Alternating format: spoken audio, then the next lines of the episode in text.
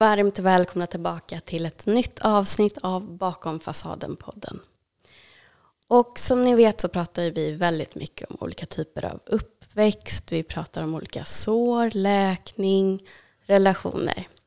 Och idag så har jag bjudit in en gäst som ska hjälpa mig att förstå lite mer. Och eh, vi ska helt enkelt reflektera över våra egna liv.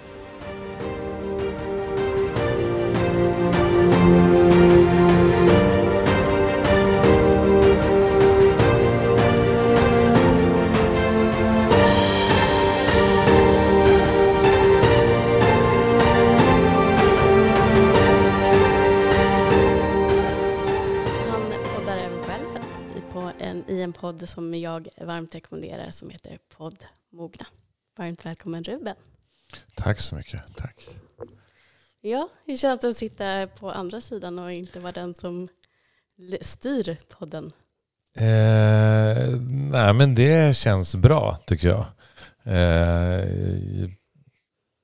jag, jag tänker att, att för mig är de här, den här sortens poddar, det är liksom samtalet som styr.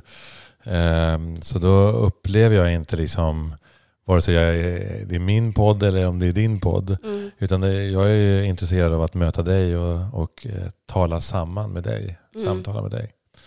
Mm. Ja, och jag, vet, jag känner så här, bara jag hör din röst så blir det så här att jag nästan väntar på frågan, har du mognat något på sistone? ja. Men eh, då får man lyssna på er podd helt enkelt om man är nyfiken på det. ja, det, jag tänker, ja, precis. Men du får ju fråga vad du vill. Du Ja. får fråga något annat om du vill. Ja, men om man tänker just på mognad så tänker man ju ofta också på eh, att man ska vara en viss ålder och så vidare.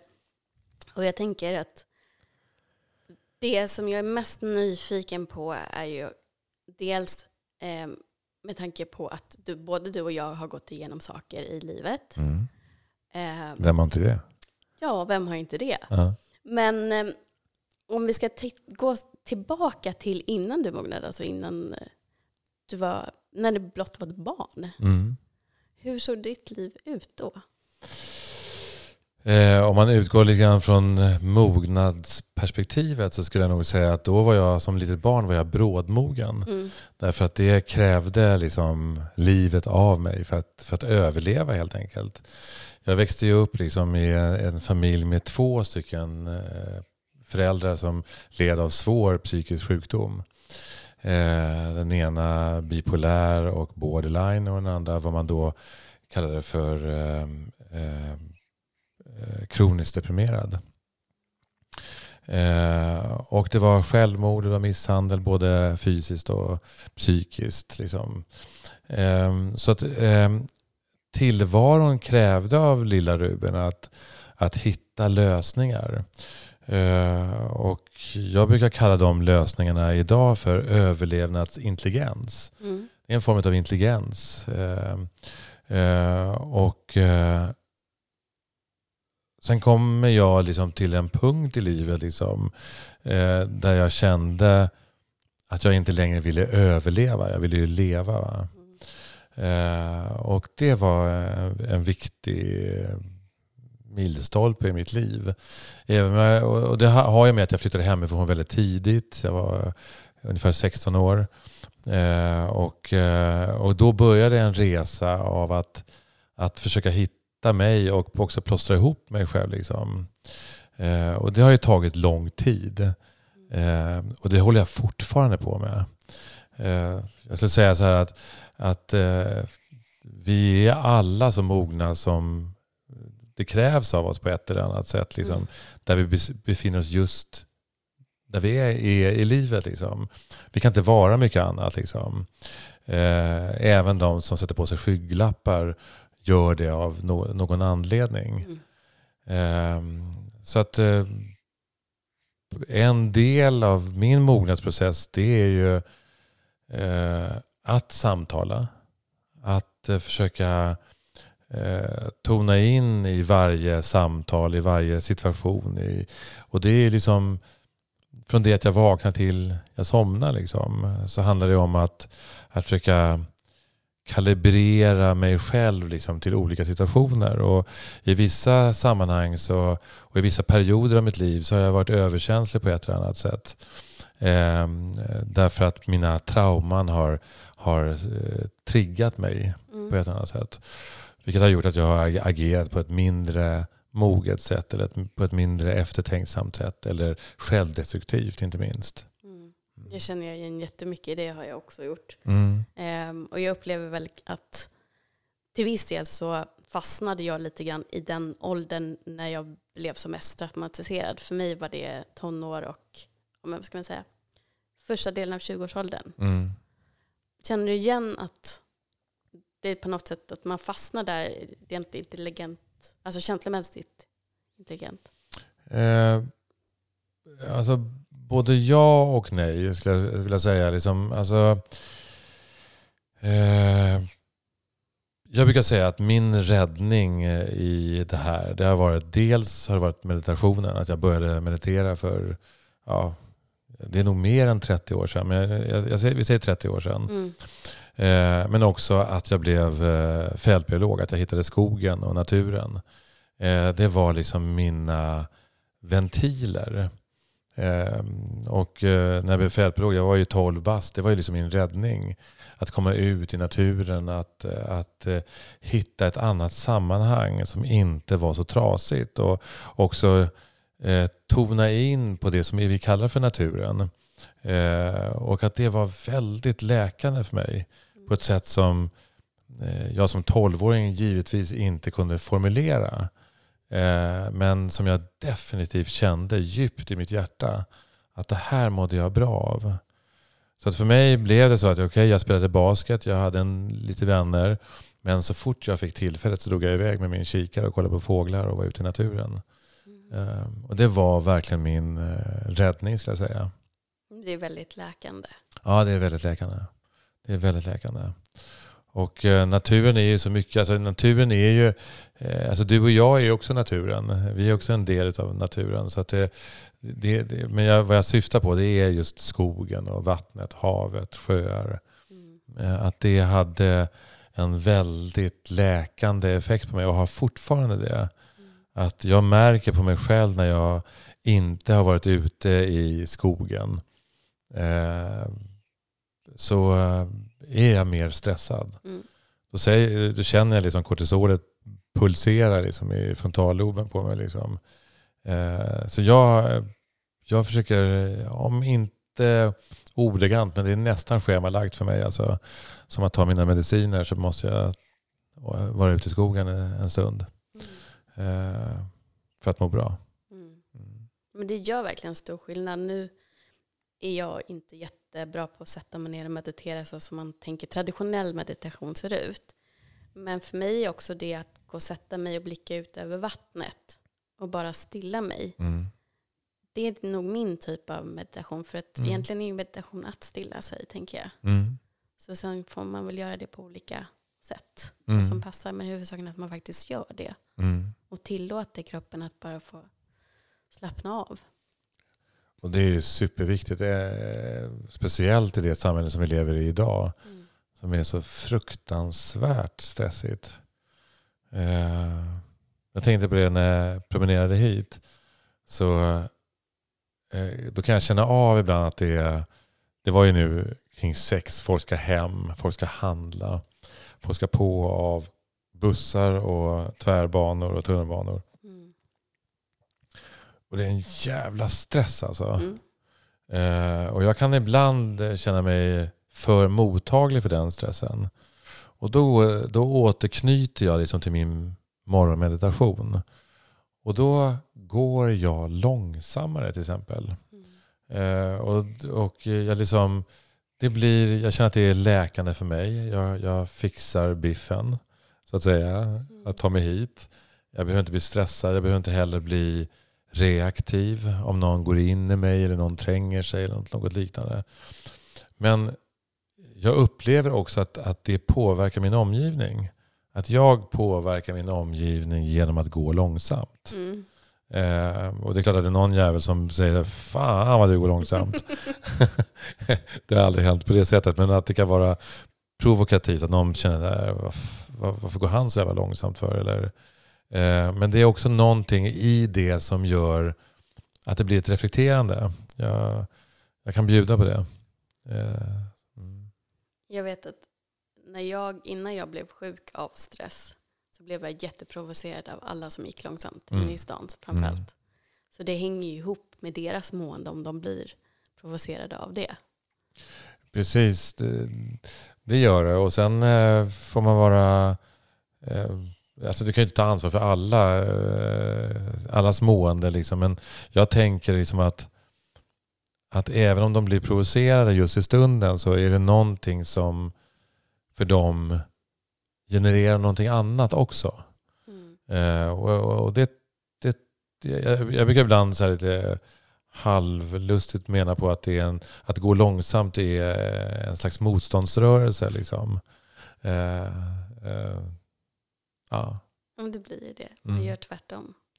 Ja, fast det, det, det, är inte, jag är inte obstinat. Liksom. Det är inte det. eh, det är inte det att jag gör tvärtom. Utan, jag, utan jag, jag, går med i, i det hela, men jag gör det i ett annat tempo. Mm. Eh, och eh, jag, jag, tänker nu liksom att det ofta är så att, att jag därför också får samtala med folk. Folk påpekar någonting, folk säger någonting. Och inte sällan så är det äldre människor som inte hinner med. Mm. där jag får liksom tid att ställa mig en stund och, och prata. Det tycker jag är superviktigt. Mm. För mig inte minst. Mm. Ja, men det, det är speciellt också. Och jag tänker också särskilt i Sverige och i Stockholm så vet jag att när jag precis hade flyttat hemifrån USA mm. och just bott på en liten ö där alla pratade med alla så var det så markant hur man blev tittad på som ett ufo mm. nästan om man började prata med någon. Mm. Och sen så vet jag att efter två år hade jag akklimatiserat mig och var en av de som satte mig längst bak igen och tittade inte på någon mm. i bussen, på mm. bussen till exempel. Mm. Så det, det är lite synd, för man missar ju också väldigt intressanta samtal. Men samtidigt så, ibland har jag undrat om det står någonting i pannan. För det är fortfarande folk som kommer fram till mig och sätter sig. Och det var en kvinna som satte sig mitt emot mig på tunnelbanan för några veckor sedan. Mm. Och bara berättade sin livshistoria. Mm. Och jag blev så förundrad sen när hon gick av. Varför gick hon fram till just mig? För jag satt verkligen, jag brukar alltid ha på mig hörlurar för att det är så mycket ljud och jag är mm. lite känslig för det också. Mm. Men varför just mig? Och sen tänkte jag hoppas, hoppas att vi ses igen för jag vill veta hur det går. Mm. Men det har vi inte gjort. Nej. Det är också synd det att vi inte gör sånt där oftare. Har du någon tanke om varför hon kom fram till dig just den dagen? Jag vet inte, för jag tyckte inte jag såg så inbjudande ut eftersom jag satt och stirrade ut genom fönstret dessutom. Mm.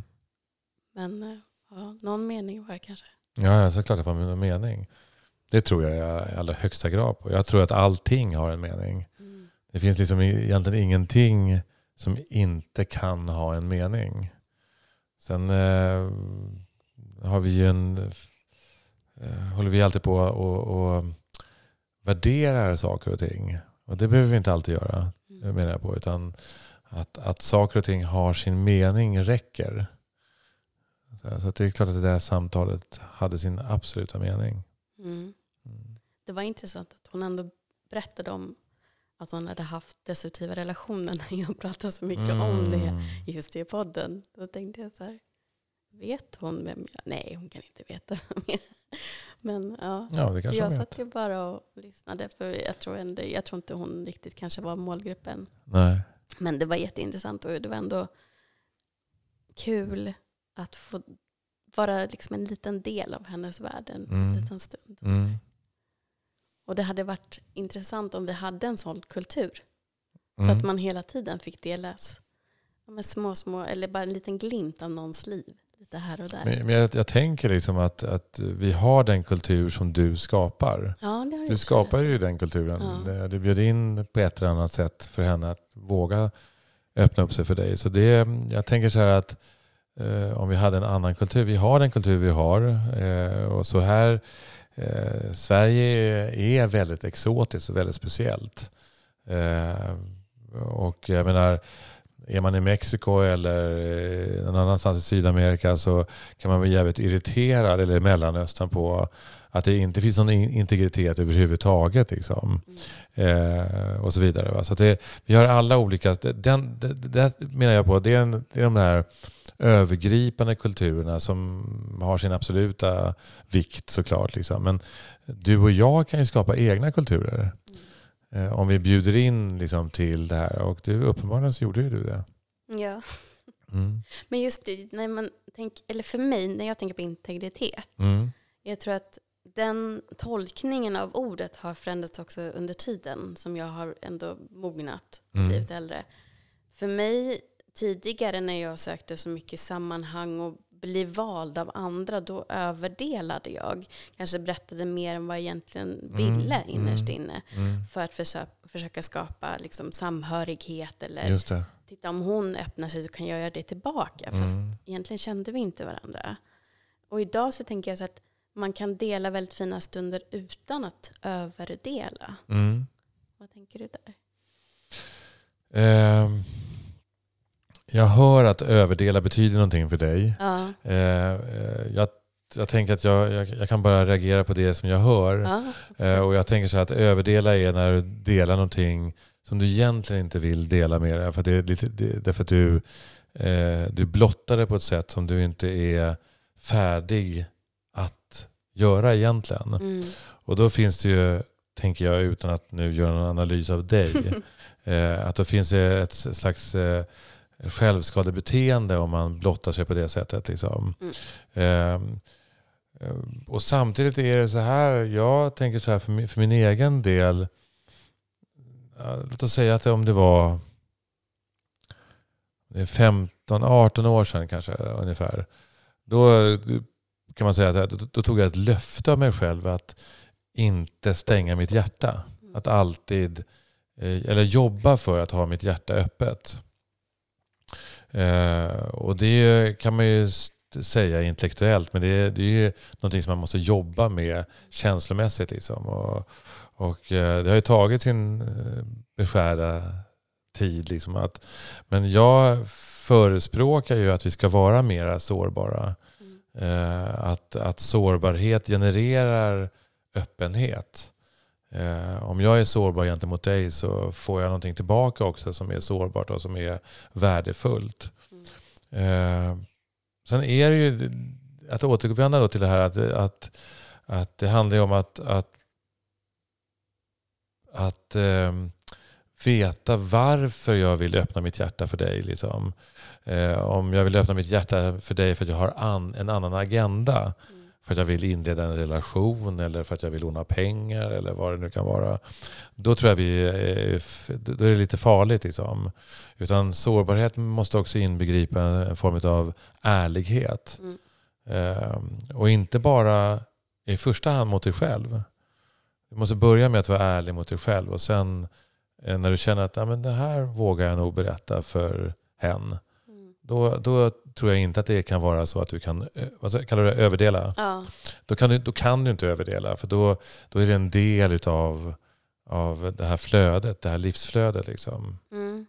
Men jag är med på vad du säger. Jag tror att min tanke bakom, nu direkt översätter jag också, man brukar säga overshare på mm, engelska. Precis. Um, det är väl det att jag tycker det är jättefint med sårbarhet och det är någonting som måste finnas i mina relationer för att jag ska se att det finns värde i relationen. Mm. Men det finns också en tid för allt. Och jag tänker att är det någon som man precis har lärt känna så finns det också tid till att skapa och bygga en relation. Och också den här tilliten som måste få växa och mm. få tid på sig. Ja, och att jag delade väl för tidigt kan man säga. Mm. Det var det jag gjorde. Och då tycker jag verkligen att det var så som du sa, att det blev självskadebeteende. Mm. För att jag delade med mig till folk som faktiskt inte hade förtjänat det. Mm. Tilliten fanns inte där och det kanske också kunde vara så att det vändes mot mig. Det som jag delade. Mm. Jag har också träffat män som har delat med sig väldigt mycket av sina trauman för att jag ska berätta och sen vet de precis vad de ska trycka på för att mm. göra illa mig. Mm. Så det har ju också varit någonting som jag behövt arbeta på och tänka, okej okay, men varför gör jag så här? Mm. Och kan jag hitta sårbarhet och vackra relationer utan att det måste gå så fort? Så att jag Precis. kan känna av om det här är en person som faktiskt jag är trygg med mm. först. Mm. Och jag, jag, tänker också så här att, att eh, Att det handlar ju också om, det här, vad jag menar med det här med agendan. Om varför vill du prata med den här personen? Varför vill du dela mm. någonting? Eh, vi måste, och det är det du säger också, att man måste ge saker och ting tid. Att man måste ge det tid för att någonting ska uppstå. Eh, och det är ju inte bara för att, en, att, att, eh, att du ska kunna hinna dela med dig av ditt, utan det är också för att den andra ska också kunna hinna smälta det han eller hon har fått höra. Mm. För att sen också kunna dela med sig av sitt. Mm. Um, sen så tänker jag liksom på hur är det med din intuition? Tänker jag så här, så här, litar du på dig själv? Tänker jag. Och, och, hur, och, därför, jag tänker när man överdelar som du kallar det. Eh, jag lånar det ordet. Mm -mm. så eh, tänker jag liksom att, att det är eh, att man använder överdelandet som ett medel för att, att eh, hucka den andra liksom, på ett eller annat sätt. Och då är det ju så att, att då kanske du stryper eh, din intuition. Alltså varningsklockorna kanske redan ringer innan och ändå så ger, säger ja, du i det här fallet, då, mm. eh, ut på den här hala och kanske farliga vägen. Liksom. Mm. Eh, så det, det, är ju den här kombinationen att sårbarhet är ju inte det här att fläka upp sig för vem som helst. Det är inte det som jag pratar om. Utan sårbarhet är ju eh, att våga känna det du känner inför dig själv. Eh, och det är det som är, det tänker jag också, vad meditationen är för mig varje dag. Det är, ju, det är någonting, eh, en praktik som kräver övning, liksom, precis som vilken annan träning som helst. Mm. Det är ju att möta mig själv, min egen sårbarhet dagligdags. För det är ju en färskvara. Liksom. Därför är det så mycket ute i livet, ute i samhället som gör, kan göra mig rädd. Så det, det, det, tänker jag liksom att det handlar om balansen av att, att, att uh, vara sårbar primärt för dig själv. Mm. Uh, och kunna stanna i det. För då tror jag också att det blir lättare uh, att sortera liksom, vad är det jag vill. till exempel. Mm. Jo men du, du satte verkligen huvudet på spiken just det här med tilliten till sig själv. Mm och faktiskt våga lita på vad intuitionen säger. Mm. För det är någonting som vi som har gått igenom trauma, vi kan ju också efteråt eh, få upp varningssignaler för att nu är ett potentiellt hot fast det faktiskt inte är det. Mm. Eh, och då måste man ju också jobba på det här så att man faktiskt sen hör intuitionen för vad den faktiskt är och det inte är ja, men rädslan som styr kan man kanske säga, Precis. enkelt uttryckt. Um, men jag tänker också, hur, hur har du gjort? Du lämnade henne tidigt, du hade ja, men svåra förhållanden under uppväxten. Mm. Hur har du gjort för att våga lita på andra människor? Ehm, det har ju varit en process. Mm. Ehm, och det är fortfarande en process skulle jag säga jag tänker lite grann så här, eh, och det här är också lite farligt liksom för att jag, eh, för det finns också så här att, att vissa saker som jag säger till mig själv om mig själv är att jag liksom upprepar samma historia. Liksom. Eh, och jag, det är också en del av sårbarheten, det är att jag måste ifrågasätta mig själv också. Hur ser den här historien ut egentligen? Är den, är den Finns det andra eh, versioner av den här historien? Eller har det här blivit en gammal repig vinylskiva? Mm. Eh, där spåren har gått väldigt djupt. Liksom. Och, och så är det ju också med eh, alltså med trauman, det sätter ju spår ordagrant. Eh, fysiskt i vår hjärna. Liksom. Och, och våra, eh, våra amygdalan är förstorad och vi reagerar därför, överreagerar därför Mm. på hot. Ja. Eh, Så det handlar ju om att, att vårda sig själv. Att, att jag måste vårda mig själv och, och eh, lära om. Eh, att se att det här är inte farligt. Eh, och det har, det har ju inte varit någon dans på rosor inte. Eh, ja, jag har haft eh, två långa äktenskap. Eh, har eh, ett. Ja. Eh, men men eh, jag har också strulat till det liksom och tabbat mig, tabbat mig ordentligt och eh, missbrukat på olika sätt. Liksom. Eh, och det har med eh, när saker och ting blir kaos på ett sätt liksom, som där ångesten liksom gör att det blir bara tunnelscener kvar. För det, det finns inget split vision kvar. Utan det är bara rädslor.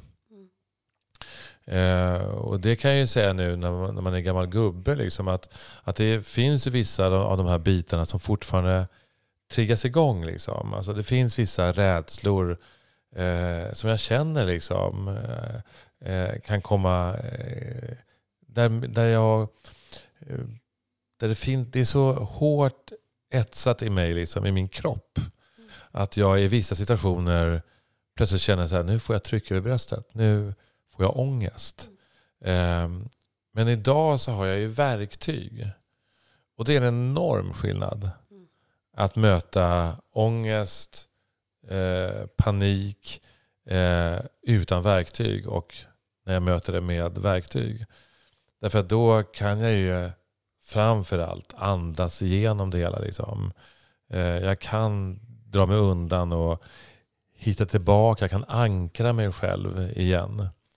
Eh, så för mig handlar det om, eh, ja vi mognar, det, så är det ju liksom. Eh, oundvikligen liksom. Degenerativt, liksom. vi, blir, vi går ju åt ett håll. Liksom. Men det är ändå så att jag skulle nog säga på ett plan att mognad är en färskvara. Du måste, liksom, du måste jobba på det. Liksom. Så fort du liksom tror att Nej, men nu är jag färdig. Nu, är jag, nu har jag eh, gjort upp med min barndom. Eh, så kommer det nog att knacka på någonting annat alldeles runt hörnet. Liksom, skulle jag tro. Så har det i alla fall varit för mig. Mm. Ja. Men gick, har du gått i terapi? Och Oj, har jag gått i terapi eller har jag gått i terapi? Ja. Alltså jag har gått i massor med olika former av terapi. terapi. Jag har gått i klassisk freud- freudiansk, jag har gått i jungiansk, jag har gått i gruppterapi, vilket, är, vilket jag verkligen rekommenderar. Det var, min, det var min värsta...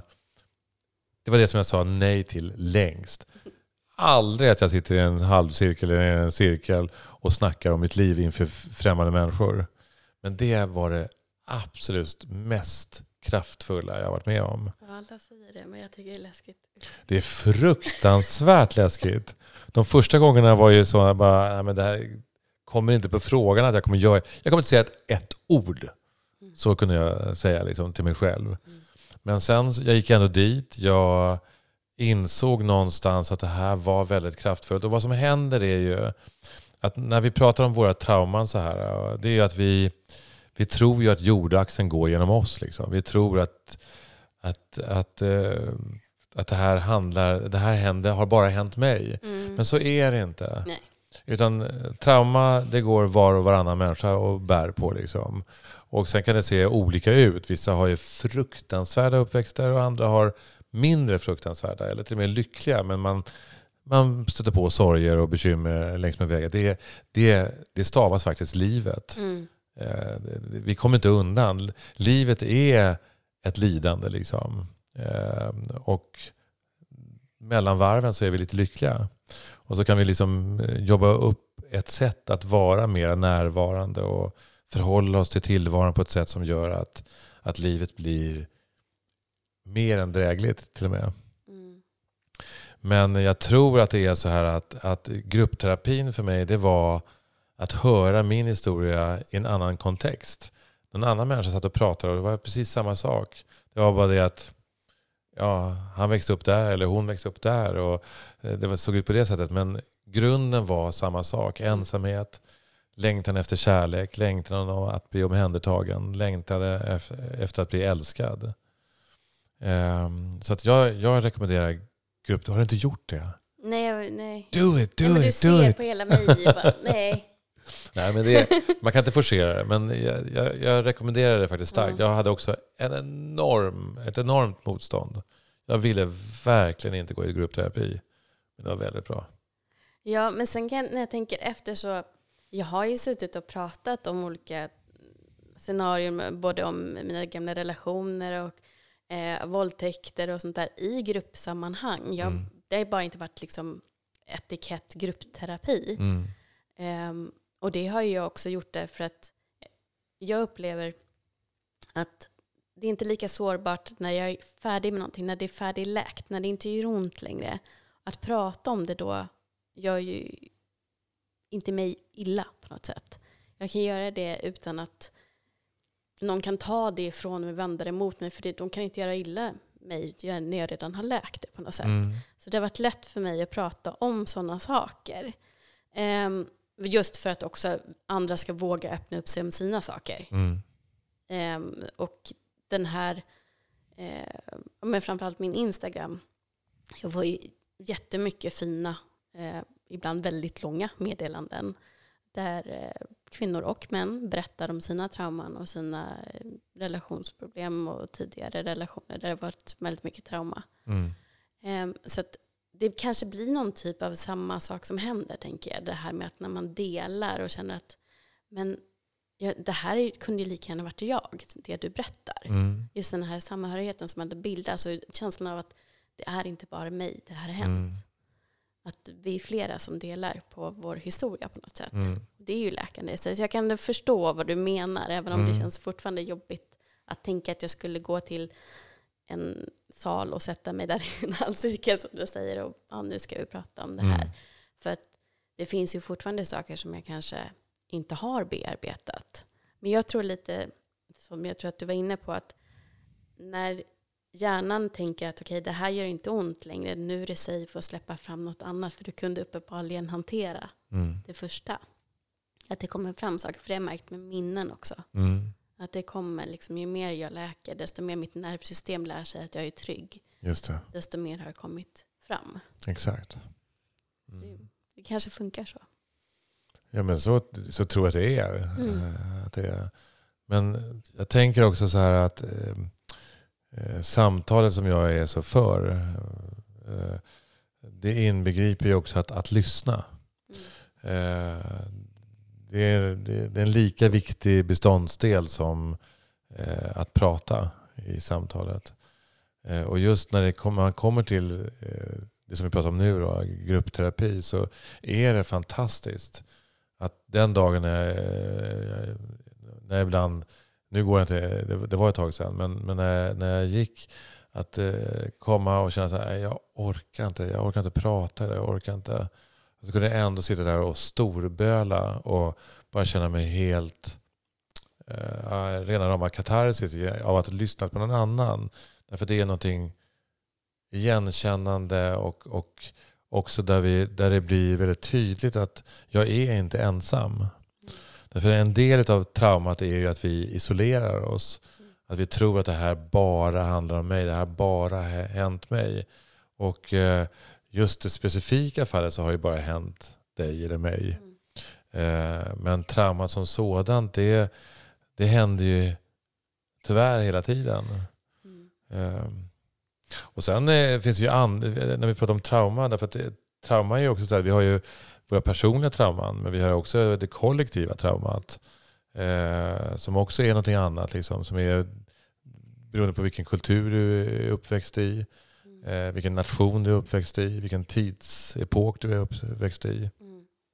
Och jag tror också att, att det är också så att vi i våra kroppar bär minnen eh, av trauma som inte är självupplärt, eh, självupplevt. Mm. Utan det här är något som vi har ärvt från våra förfäder. Generationstrauman. Generationstrauman. Mm. Och för mig är det, eh, det är väldigt logiskt. Mm. Så här, ja. Ja, men det har jag också tänkt på, också med tanke på vår judiska släkt. Ehm, jag kan ju säga de som var oss närmast, de, föd, eller de bodde ju ändå här i Sverige under till exempel andra världskriget. Men de blev ju ändå påverkade. Eh, och då tänker jag ibland på, undrar om det ändå märks, liksom våra generationer, hur den typen av trauma, för jag menar även om de inte blev jagade på samma sätt så blev de ju ändå illa behandlade. Mm. Um, alltså sådana där saker just med generationstrauma och jag brukar sä- säga det till de som hör av sig och precis ska börja bearbeta sina trauman att tänk på nu att det du gör är så stort. Det är inte bara för dig utan det är för kommande generationer. Mm. Oavsett om du skaffar barn eller inte så Mm. kommer du påverka nästa generation och de påverkar nästa och så vidare. Mm. Så att man också tänker på att det kan sitta kvar i kroppen sådana saker. Och just att jag tror en en del inte riktigt förstår alltid var det kommer ifrån. Och det kan ju vara då att det kommer från tidigare generationer. Ja. Men jag, jag tänker också när du är inne på det att, att för min del så känner jag att det är ett slags ansvar för, för min del att, Mm. att, läsa, att försöka lösa upp vissa saker som, där, jag, där jag har en förståelse inför. Ehm, om man just tar det här eh, för- oss judar, liksom, hur det har varit att, att alltid har varit förföljd Mm. för- förföljda och, och, eh, och där det fortfarande är eh, liksom otroligt mycket fördomar och, eh, kring vilka vi är. Eh, men för mig har det varit också så här att, att just eh, förintelsen var ju en så otroligt stor del av min uppväxt. Eh, och eh, eh, Eh, mina äldre barns morföräldrar satt i Auschwitz och så vidare. Så att jag, jag, det är liksom någonting som har varit väldigt, väldigt nära mig hela mitt liv. Men jag har aldrig haft en längtan eh, att åka till Auschwitz eller Treblinka och så vidare. Därför att jag har känt att eh, jag har inte riktigt förstått varför jag ska dit. Förrän jag i ett eh, meditationssammanhang träffade på ett gäng tyskar eh, som hade eh, samma trauma som jag. Fast de var barn och barnbarn till nazister. Eh, för att göra en lång historia kort så åkte vi tillsammans. Vi var, framförallt var det tyskar men också ett gäng judar där jag in, ingick. Och vi åkte till Auschwitz tillsammans. Och det är en av de största upplevelserna liksom, i mitt liv. Liksom. Eh, eh, på det här, när det gäller de här sakerna, när det handlar om traumabearbetning. Och vi har fortfarande kontakt. Mm. eh, eh, inte med alla, men med, med, med ett gäng liksom, så har jag fortfarande kontakt. Eh, och för mig var det otroligt viktigt, apropå det här med generationshelande, att eh, till exempel när jag kom till Auschwitz och skulle gå in under den här eh, järn... Mm. Eh, Där är så argt. Ja, just det. Precis. Så la hela min kropp ner. Jag ville inte gå in där. Mm. Det, var så, det spelar ingen roll att vi hade åkt tåg. Vi åkte tåg från Berlin till Auschwitz i 12 timmar. Eh, så att eh, eh, när jag kom dit så var det så här, nej, jag vill inte gå in här. Eh, och, eh, så jag stod utanför väldigt länge, liksom, av respekt också för mig själv. Därför, för att det var så att min kropp sa, nej, här går jag inte in. Eh, och jag stod där under, eh, alltså en bit ifrån, under ett träd i skuggan. Och eh, jag eh, hade en slags stående meditation. Men jag, jag stod där i drygt en timme och 40 minuter. Ända tills två stycken duvor eh, landade på en gren och startade och började kopulera Mm. på en gren. Och då tänkte jag, ah, där har jag tecknet. Eh, mer liv kan det inte bli liksom. Så då började jag gå och då plötsligt var det en, en eh, tysk eh, som var med mig i den här gruppen som heter Joachim. Som vars farfar var SS. som han berättade historier om hur han satt i hans knä som liten. Eh, och eh, han hade stått under hela samma tid och bara på något sätt eh, vakat över mig. Eh, så när jag började gå mot den här Arbeit macht ingången så kom han fram och så sa han liksom försiktigt så här. Får jag gå in med dig? Sa han. Och jag blir rörd bara jag eh, säger det här även nu. Därför det var precis det som jag menar med det här generationella helandet. Liksom. Han behövde också en helning. Jag behövde det. Hans, hans förfäder, så här, det kan man inte säga så mycket om. Men vad vi gjorde i alla fall, det var en tysk blond arier och en, en mörk jude liksom, som hand i hand gick in tillsammans. Vi tog varandra hand och gick in. Och det var någonting väldigt helande eh, och som också lever kvar i mig. Liksom. Hur viktigt de här sakerna är. Eh, så det, det är ett sätt att, att, att göra att möta ett trauma på, det, tänker jag till exempel. Ja, det är jätteviktigt. Jag blir jätteberörd också. Mm. Jag tycker att samtidigt, det, det, är så dubbelt i mig. För en del av att för det jag tycker att vi måste fortsätta berätta historierna. Um, även om de som faktiskt var på Auschwitz och andra läger inte lever, många, de flesta av dem, så måste vi, vi som lever kvar måste fortsätta berätta. Mm. Vi får aldrig glömma vad som hände. Mm. Eh, men samtidigt så gör det ont. Eh, och jag försöker gå på utställningar och sånt där, men jag, jag tycker att det är jobbigt. Mm. Det ligger för nära mm. på något sätt. Men det kan inte vara annat än jobbigt. Mm. Eh, alltså under den resan grät jag, tror jag, mer än jag har gråtit hela mitt liv. Mm. Eh, därför det var ett sånt tryggt sammanhang. Eh, jag, jag, tänker liksom så här att, att eh, att någonting är jobbigt, det är inte ett, ett, eh, en biljett att för, för att undvika det mm. egentligen. Utan att någonting är jobbigt, ja... Eh, alltså, understatement. Trauma är jobbigt. Eh, att bearbeta trauma är jobbigt. Mm. Vi kommer inte undan. Det finns inga genvägar menar jag på. Mm. Du kan inte gå runt ett övergrepp. Utan endast, för, enligt mig så enda sättet är att jag måste gå in i övergreppet för att kunna lösa upp det. Liksom. Uh, och där, uh, det är smärtsamt. Mm. Men det är just när det, när det kommer till övergrepp så är det ju någonting som är lagt på mig. Mm. Alltså det är ju inte jag. Utan det är ju ett våld som har lagts på mig. Liksom. Mm. Uh, och det måste jag befria mig ifrån.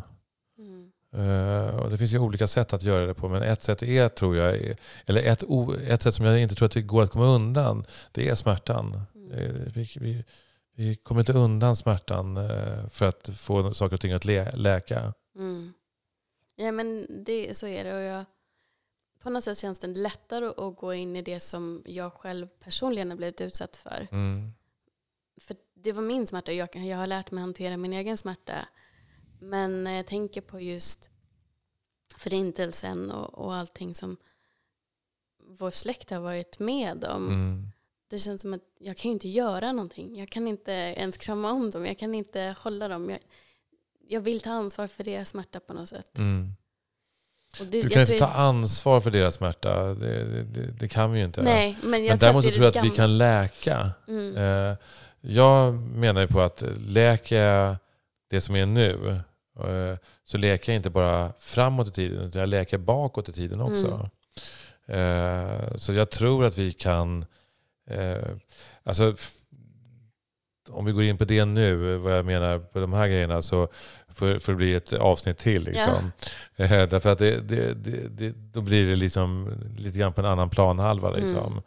Men eh, läkandet är ju inte bara för min skull, som du var inne på, utan läkandet är ju Alltså, det är ju för, ja, för mänsklighetens skull. Mm. Um, så att jag, jag, menar på att, att, att du jobbar med ditt och jag jobbar med, med mitt. Det är ju inte bara för oss själva. Eller för våra släktingar bakåt eller framåt. Mm. Det är ju för mänskligheten. Sen är vi ju en, en, eh, en liten atom Mm. eh, eller en molekyl. En vattendroppe. Men det är den droppen som vi jobbar i. Liksom. Och den är viktig. Mm.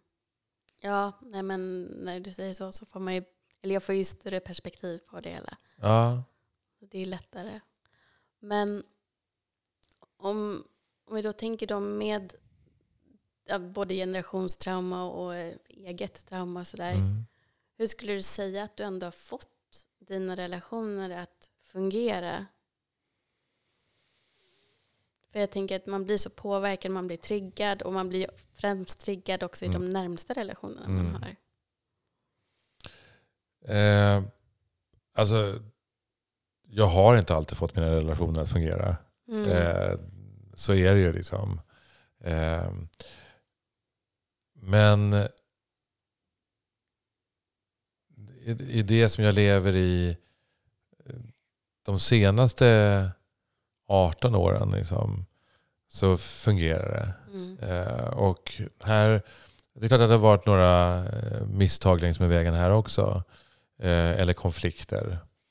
Eh, men jag, jag tror på att be om ursäkt för att jag är människa. Mm. Eh, eh, men också för att ta ansvar för det jag gör. Eller det jag inte gjort. Eller det jag har... Om jag har ju gått över en gräns som inte har varit acceptabel. Det kämpar jag ju med fortfarande idag. I dåliga dagar så, så knyter det sig i bröstet på mig. Liksom.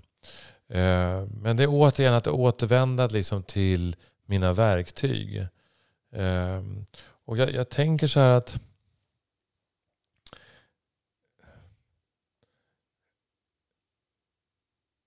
Alltså knasiga relationer, det tror jag att de flesta av vi som räknar oss till människor har. Eller har haft. Eh, jag tror inte vi kommer undan. Eh, och sen är det ju viktigt att veta liksom det att it, it takes two to tango. Eh, det är inte bara den ena. Som, det är inte bara du eller jag som kan bära ansvaret för en dålig relation. Utan det är, vi två om. Um, så det, det är väldigt många. Och den, det här, här åter, om man återknyter då till sårbarheten så tänker jag liksom just idag att tänk om jag hade varit mer öppen. Om jag hade varit mer sårbar. Om jag inte hade varit så rädd i den situationen till exempel. Då hade jag kunnat undvika just det, den konflikten till exempel. Mm. Man lever, man lär. Ja, så är det. Det finns inget annat sätt tror jag. Mm. Men jag tror inte alla tänker så för att innan när jag var mer i en offerkofta, som jag Mm. brukar kalla det för. Mm. Jag tyckte synd om mig själv och inte tog ansvar för att jag faktiskt kan ta makten i mitt liv och jag kan styra och jag kan förändra det som inte funkar. Mm. Då vill jag inte se någonting som jag tyckte var jobbigt. Och nu är det mer att, ja fast det blir ju inte så jobbigt när jag väljer att se det. Mm. Att det blir tvärtom, att allting som inte går kanske som jag hade trott att jag ville eller som jag har planerat, det händer ju inte då för att då är inte det meningen att det ska vara mitt eller så är det någonting som jag behövde lära mig. Mm. Bara jag har ändrat det synsättet att allting är en lärdom så tycker jag inte saker är så jobbiga längre. Nej.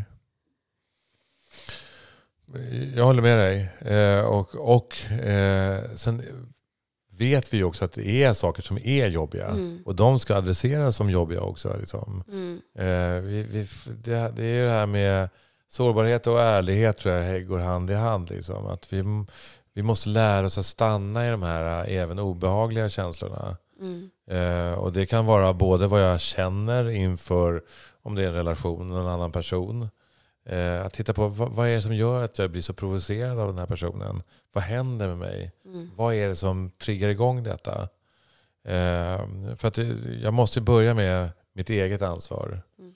Eh, det, är, det är svårt att liksom, uppmana någon annan att ta sitt ansvar. Eh, när det gäller sådana här saker. Även fast man gärna gör det. Och, eh, det är inte helt fel i vissa sammanhang. Men, men ändå så är det så att jag måste ju alltid börja med mig själv. Mm. Ja, jag tänker väl att ja, det är kanske mer min syn. För att förut så tror jag att jag drog likhetstecken på jobbigt är lika med katastrof och nu går världen under och nu dör jag. Mm. Ehm, och, och att känna smärta var lika med nu dör jag. mm, Separation är lika med nu dör jag. exakt. För att i och med att jag separerades från min födelsemamma så Exakt. pass tidigt så Mm. trodde ju min kropp att nu dör jag Exakt. på riktigt. Ja. Så att bara lära om den saken och, och det har väl blivit så att ja, ja, det kommer göra ont Mm. och det är jobbigt i den tolkningen. Mm, Men det är inte en katastrof eller jorden går under och jag Nej. dör inte. nej. Utan jag klarar det. Och då, när man övar tillräckligt många gånger på att faktiskt sitta med det som är jobbigt. Mm, Så det jag vill säga är väl egentligen att ja, det är fortfarande jobbigt. Men det är ingen katastrof. Och jag Nej. kommer att överleva. ja. Precis. Eh, Men eh, alltså, de här tidiga åren när vi inte var verbala och där vi var helt maktlösa, de är ju svåra. Alltså. Mm. Eh, Det är svårt att, att komma till världen och inte vara riktigt välkommen. Eh, Den biten är ju, är ju, den är ju svårhanterbar. Mm. Och den, den kämpar jag också med. Att känna att, att nej, men det var aldrig meningen att jag skulle komma. Eh, och den, den biten kvarstår ju liksom. Eh, men jag tänker också att det, att det är, precis som de här spåren vi har i hjärnan, så kan vi förändra dem. Du kan ändra den berättelsen. Det behöver inte vara en sanning. Mm. Eh, du kan ändra ditt narrativ. Liksom. Ja, Mm. Och det fick jag göra i en övning. Ja, När jag satt med en docka som var jag då. ja. Så skulle jag hälsa mig själv välkommen. Mm. För att göra om det, att jag var välkommen. För jag tror också att det har varit svårt för mina föräldrar att förstå att jag bar på de här såren. För de var så här, men du var ju så otroligt efterlängtad och Ja, så ja, välkommen. ja. Men det är inte samma sak. Såklart. Självklart så är det jättefint och läkande i sig. Men det är fortfarande två skilda historier. Mm. Så att jag behövde få hantera det och sen också förstå att det såret fanns. Mm. Det gjorde jag inte förrän jag var, hur gammal var jag? Eh, Men jag var väl ungefär runt 40. Mhm. Så det tog ändå sin tid Ja. att förstå att det där såret fanns där. Och var det en, att jag hade övergivna sår, sår förstod jag, men jag tänkte, men så liten som jag var, det kan man inte komma ihåg. Nej. Men kroppen minns. Ja. Så att det var väldigt läkande att få sitta där och bara säga att jag är välkommen. Jag kan säga att det var inte jättelätt. Jag kunde inte få orden att komma ut Mm. först. Men jag hade en jättebra livscoach då som verkligen tillät mig att få sitta där och ta tid. Och sen, för då ville jag bara stänga av känslorna och inte känna någonting. För då blev det överväldigande. Mm. Men gråt är också väldigt förlösande. Verkligen. Så att när tårarna fick komma så kändes det bättre. Och sen Mm. kunde jag läsa upp den texten då som hon hade skrivit där jag Mm. hälsade mig själv välkommen. Mm. Fint. Så allt det här när man sitter med sitt lilla barn eller sitt inre barn Mm. är någonting som jag verkligen förespråkar. Jag tycker Mm. det är så otroligt läkande. Mm. Och att man också får tänka på att sitt inre barn behöver ju inte vara barn, so to speak, utan det kan vara sin inre tonåring också som jag jobbat jättemycket med. Vi är ju alla våra åldrar. Mm. Så att alla våra åldrar behöver ju tas om hand om. eh, I, våra, just den här processen av att, att försöka bli helare. Mm. Ja. Och det var lite det jag var inne på i början också, det här med att jag upplevde att jag fastnade i en viss ålder innan Mm. jag gick tillbaka dit och faktiskt tog hand om henne. Då kände jag också att jag mognade känslomässigt och blev mer i fas med min verkliga kroppsliga ålder. Just det. Så det har gjort jättemycket. Mm. Istället för att hamna på ett visst ställe och inte känna att man kommer vidare. Just det. Mm. Men eh, med allt det som du har gjort och allt som vi hör ju att du eh, har ju lärt dig väldigt, väldigt mycket av livet. Att jag, vad för något? Du har lärt dig väldigt Lärt mig, mycket ja, av, ja, av livet. Ja. Och, eh, jag hör ju att du vet vad du pratar om. Eh, så, men jag tänker ändå om man ska försöka korta ner, för jag tänker också att alla som lyssnar har ju inte kanske samma medvetenhet, eh, men börjar få det. Mm. Eh, och jag vet också att många och absolut jag eh, har väl känt igen mig mycket i det här att ibland kan man känna att det känns hopplöst. Att hur ska jag komma vidare? Hur ska jag våga eh, titta inåt? Hur ska jag våga faktiskt ta min läkningsprocess och köra igång med den? Mm. Vad skulle du ändå säga lite grann som uppmuntran till den som sitter där och lyssnar idag? Att vara en långsam elev till sig själv. Mm. Eh, ta det varligt. Inte slå in dörrar, inte forcera någonting. Utan att eh, när det gäller läkningsprocess så är tiden en viktig del. Eh, och vissa saker måste få ligga till sig. Eh, även när, om det blir ett eh, epiphany, att du liksom är med om någonting eller går i terapi och så kan det vara fantastiska upplevelser. Så är det ändå så att saker och ting måste hitta sin plats i kroppen, i själen eller hur du önskar benämna det. Men eh, ja, ta det varligt och gör det långsamt. Mm.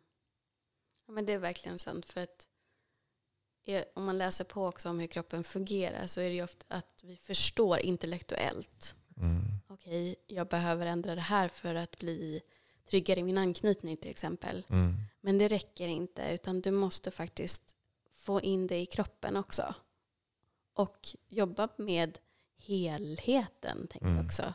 Att jobba med att lugna nervsystemet. För att om du har varit en, en person som har haft trauma så måste du också, som du också nämnde, sluta överleva och börja leva. Mm. Och det är du värd. Mm. Och det tyckte jag var en sån alltså, förlösande känsla att nej, nu är jag klar med det här, nu Mm. ska jag börja leva. Mm. Så att det är ju väldigt mycket, det här med aha-upplevelserna, och så här, det är ju väldigt, alltså man känner ju verkligen nästan som att det går någon slags eh, alltså eld i kroppen på något Mm. sätt. Man blir väldigt euforisk. Mm. Men också tänka att det tar ändå tid för att det implementeras i kroppen och att kroppen verkligen ska känna av det här och inte reagera och agera utifrån reaktionen. Precis, och inte känna den här, det här överväldigande, det här... Eh, vad var det, hur beskrev du det? När det Eh, kommer i kroppen. ja, alltså det, att den här starka upplevelsen Mm. måste få landa. Eh, därför att det är ju faktiskt så att eh, det är ju, livet är också everyday bullshit. Eh, och det måste gå till ICA och det måste funka där också Mm. eller Konsum. Eh, det, det, det, det kan inte vara eh, speciella omständigheter där du ska fungera. Utan fungera ska du göra dygnet runt. Mm. Eh, och därför måste eh, eh, nervsystemet få lugna sig. Mm. Eh, så helningsprocessen är ju en upptäckt. Men sen är det ju liksom när saker och ting ska landa i kroppen och hitta sina, sin nya, sitt nya environment. Mm. Mm. Jo, för det är ju också att vi skapar nya banor. Så är det. Och det gör man ju Rent fysiskt så? fysiskt. Ja. Ja. Precis, och det var ju som när du var inne på liksom att amygdalan som faktiskt man styr om amygdalan kan man väl säga att det blir nya nervbanor som man lär om en, en ny. Och som jag har förstått det så när man också skapar en, ett nytt minne som kanske inte ens är sant Mm. så kan inte kroppen eller hjärnan skilja på egentligen sanning och verklighet. Så att du Mm. kan ändå läka på så sätt att du får göra om en händelse till så som du behövde att den skulle vara. Mm. Och läka på så sätt. Så det finns ju jättemycket jättehäftiga och läkande verktyg att ta till. Det gör det verkligen. Ja, det har varit ett jätteintressant, fint samtal Ruben. Tack detsamma. Och eh, jag tänker också att jag ska länka till eh, din och Ulrikas podd i beskrivningen. Tack så mycket. Så får man ta del av också fler sådana här riktigt fina samtal. Jag brukar gå promenad när jag lyssnar på era Mm. samtal. Bara låta det få sjunka in. Tack. Men eh, är det något annat som du känner att du vill tillägga till lyssnarna innan vi avrundar? Nej.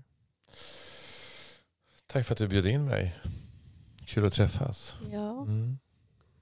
kära Viktigt. syssling. Ja, vi sysslingar. Ja. Ja, härligt. ja, då får jag säga tack igen och tack till dig som lyssnar. Tack till dig som tar in och tar emot det vi säger. Tack till dig som delar och eh, som vanligt tills vi hörs igen, ta hand om dig.